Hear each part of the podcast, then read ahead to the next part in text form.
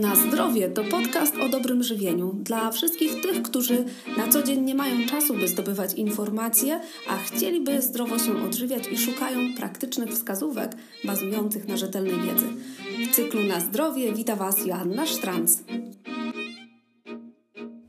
Jakich pytań możesz spodziewać się podczas konsultacji dietetycznej ze mną? Podstawowym pytaniem dla mnie jest: z czym przychodzisz? Jaki masz problem, co chcesz zmienić, na co szukamy rozwiązań. To jest taki punkt wyjścia do zadawania kolejnych pytań. Na pewno usłyszysz pytania dotyczące funkcjonowania Twojego układu pokarmowego, no bo taka jest też rola moja jako dietetyka, żeby zbadać, co w tym układzie pokarmowym ewentualnie nie działa, jak to usprawnić, wykorzystując pożywienie. Więc pytam tutaj o to, co spożywasz, czyli chciałabym wiedzieć, jaki masz styl odżywiania się. Zadaję wokół tego całkiem sporo pytań. Między innymi posługuję się wywiadem 24-godzinnym, czyli proszę, żebyś opisała mi poprzedni dzień od momentu, kiedy wstałaś do momentu, kiedy spożyłaś ostatni posiłek, e, czy napiłaś się ostatniej rzeczy. Jakby opisujesz mi to bardzo dokładnie, tak szczegółowo, ja jeszcze dopisu, dopytuję i na podstawie tego tworzę sobie obraz Twojego zwyczajowego sposobu żywienia. No i potem, jak już wiem mniej więcej, co spożywasz, no to dopytuję dalej, jak działa po kolei Twój układ pokarmowy, tak? Od, począwszy od jamy ustnej, przez żołądek, czy tam wszystko ok.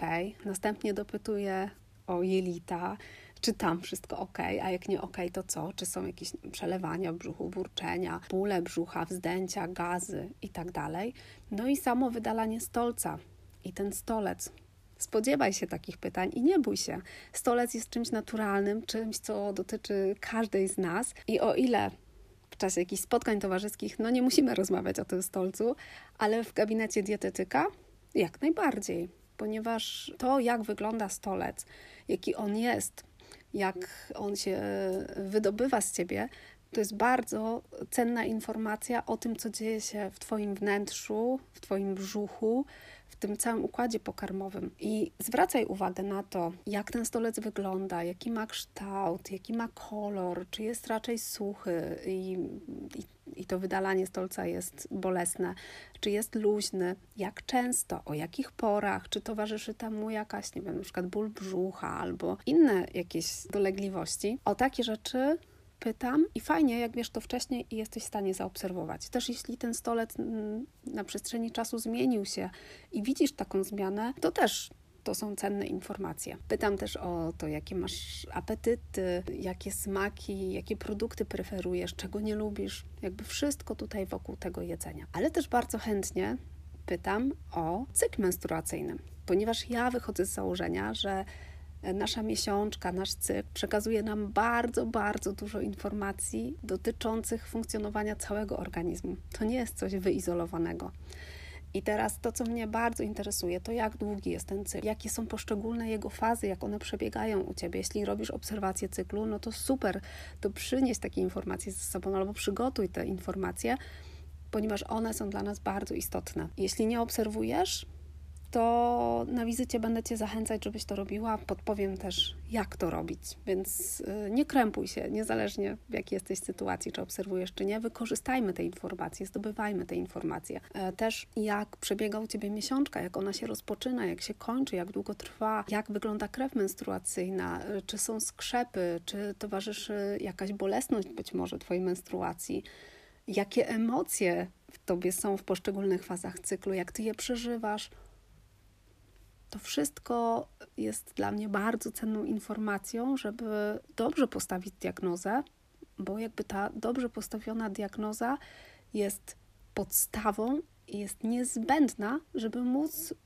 opracować plan dietoterapii. Plan, który ma przynieść zmianę, przynieść korzyść, przynieść poprawę, czyli przynieść rozwiązanie, po które przychodzisz. Są to przykładowe pytania, których możesz spodziewać się podczas konsultacji ze mną, a ja czuję swoją misję w byciu dietetyczką dla kobiet i szukaniu rozwiązań na kobiece dolegliwości. No, jestem przekonana, że nasze ciało jest tak mądre i wysyła nam informacje, różne takie impulsy ze środka.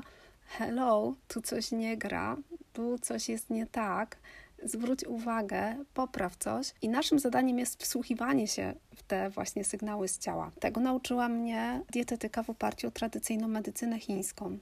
Ale bardzo cenię sobie również możliwość skonfrontowania tych wszystkich informacji w oparciu o wyniki badań. Badań takich laboratoryjnych.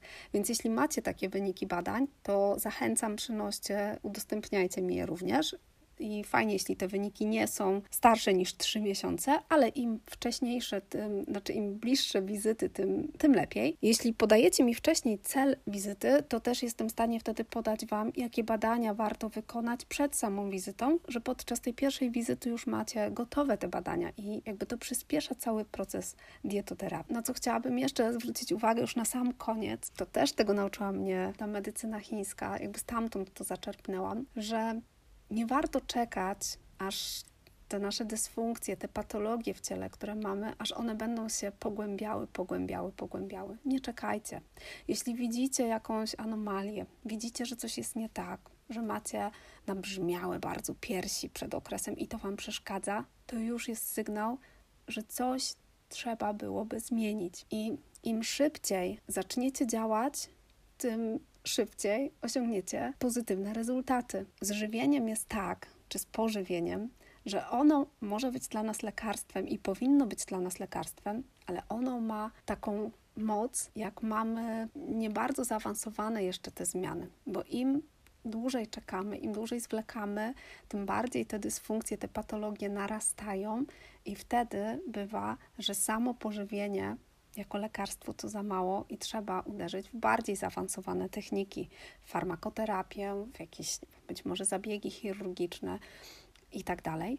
Ale nawet wtedy nie oznacza to, że pożywienie odstawiamy na bok, dobre pożywienie, dobre odżywienie naszego ciała. Wręcz przeciwnie. Nawet wtedy, jeśli ta zmiana już jest na tyle zaawansowana, że trzeba sięgnąć do bardziej zaawansowanych technik leczenia, to korzystajmy z jedzenia tak, jako lekarstwa, żeby wspierać ten proces, proces leczenia, proces regeneracji. Dlatego widzę ogromną moc w pożywieniu, który, z którego korzystamy codziennie, które mamy na wyciągnięcie ręki i chciałabym, żebyście Wy też to odkryły i poczuły i żebyście korzystały z tego. Więc zachęcam Was do interesowania się wpływem pożywienia na, na Wasz stan zdrowia, na Wasze samopoczucie. Jeśli potrzebujecie wsparcia w tym obszarze, to zachęcam do korzystania z konsultacji ze mną i jeśli macie jakieś pytania albo uwagi, to zachęcam do pozostawienia ich w komentarzu. A za dzisiaj dziękuję.